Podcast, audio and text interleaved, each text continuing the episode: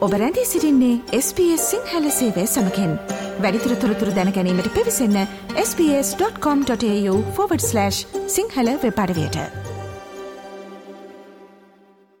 SBS Sinhala සේවය ගුවන් විදුලියෙන් අන්තර්ජාලයෙන් සහ ජංකමතුරකථනයෙන්.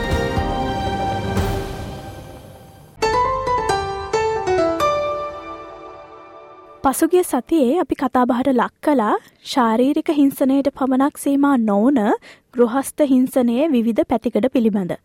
ඉතින් අද දවස්සේදී අපි සූදානමින් ඉන්නවා තමන්ගේ නිවස තුළ තමන්ගේ පවුලේ අයාතින්ම සිදුවන මානසික හිංසනය පිළිබඳ ඔබව දැනුවත් කරන්න. මේ සඳහා අද අපිත් එක්ක එකතු වෙනවා පවුල් ප්‍රචණ්ඩත්වය පිළිබඳ විශේෂඥ මනුෂිකා ආරච්චිගේ අයිබෝන් මනුෂිකා අයිබෝන් අපි මුලින්ම කතාබහ කරමු මානසික හිංසනය කියන්නේ මොකක්ද කියන දේ පිළිබඳව. ඔව් ඇත්තටම මානසික හිංසනය කියන්නේ කිසියම් පුද්ගලයෙක් වෙනත් පුද්ගලයෙක්ව බය කරන්න එහෙම නැත්නම් එම පුද්ගලයා හොඳ මදි කියලා පෙන්눔 කරන්න එහෙමත් නැත්නම් Taman පිළිබඳවම Tamanටම සැකයක් ඇති කරවන්න දිගින් දිගටම උත්සාහ කිරීමක්. ඉතින් කෙනෙක්ට තව පුද්ගලයෙක් ළඟ ඉද්දි බයක් ඇති වෙනවා නම් Tamanගේ true self වෙන්න බැරි නම් මේ පුද්ගලයා මානසික හිංසනයට ලක් වෙනවා කියලා කියන්න පුළුවන්.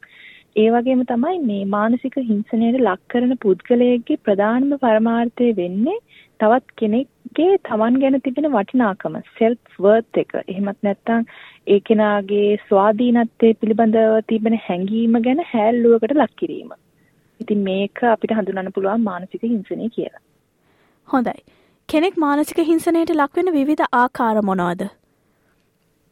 ඔව් මෙම් මානසික හිංසනය අනෙක් ගෘහස්ත හිංසනය අනිකුත් ප්‍රභේද එක්ක ළඟින්ම සම්බන්ධයි කියලා කියන්න පුළුවන්. ඉතින් වාචිකව කරන හිංසනයනුත් මානසික පීඩා ඇති වෙන්න පුළුවන්.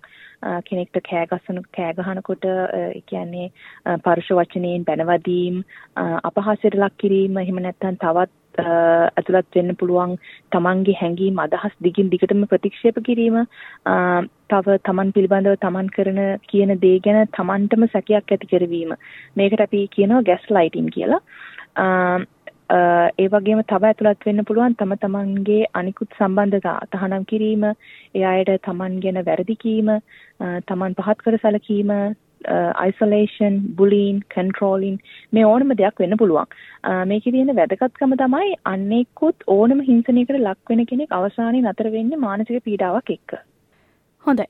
මේ ආකාරයේ මානසික හිංසනය කරන්නේ තමන්ගේ ස්වාමි පුරුෂයා විතරද එහෙමත් නැත්නම් තවත් පවුලේ අය ඇතුළත් වෙනවද මේකට?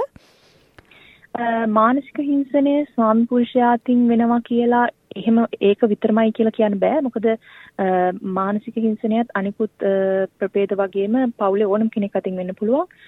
ස්වාමි පුරුෂයා බිරිඳ එහෙම නැත්නම් කුඩා දරුවන්ට දෙමාපියන් අතින් වැඩිහිටි දරුවන් අතින් මහලු වියේ පසු වෙන දෙමාපියන්ට ඉතින් පවුලේ සහෝදර සහෝදරයන් අතර මේ ඕනම පවුලේ ඥාතියෙක් පවුලේ සිටින ඕනම පුද්ගලයෙක් අතින් මේක වෙන්න පුළුවන්. තමන් මේ විදිහට මානසික හිංසනයට ලක්වෙන බව දැනගත්තම කෙනෙක් කරන්න ඕනේ මොනවද?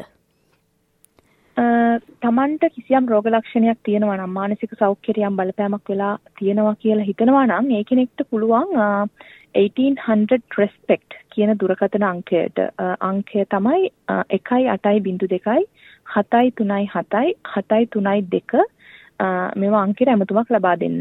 මේගොල්ලෝ කරන්නේ මේගොල්ලෝ 24/7 පැය 24ම දවස් 7ම ඕපන්.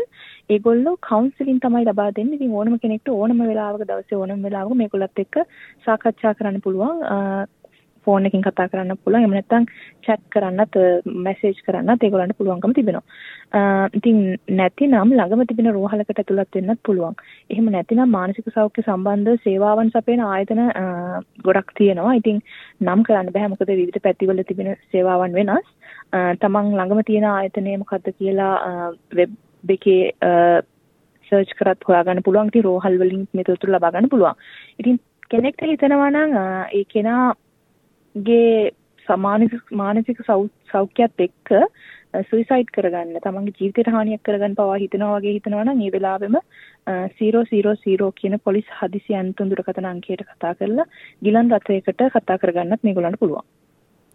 ඒ විදිහට ඔබගෙන් උදව් උපකාර ඉල්ල ගන්න කෙනෙක්ට ඔබ සපයන සේවාවන් මොනවද?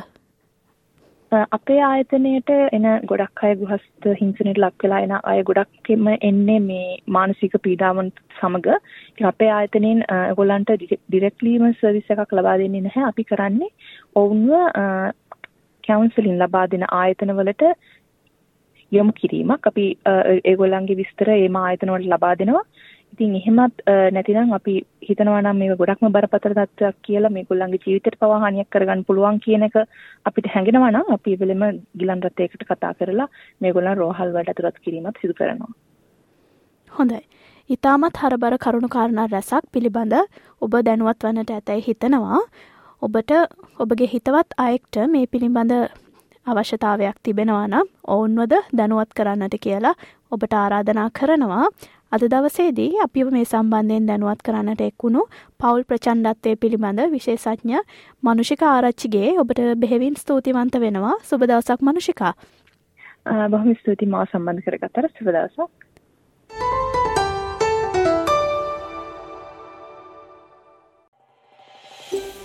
මේ වගේ තවත්තොරතුරු දැනගන්න කැමතිද එහෙමනම් Apple podcast Google podcast Spotify ඔබගේ පොඩ්කාස්ට ලබාගන්න ඕනෑම මාතයකින් අපට සවන්දය හැකේ.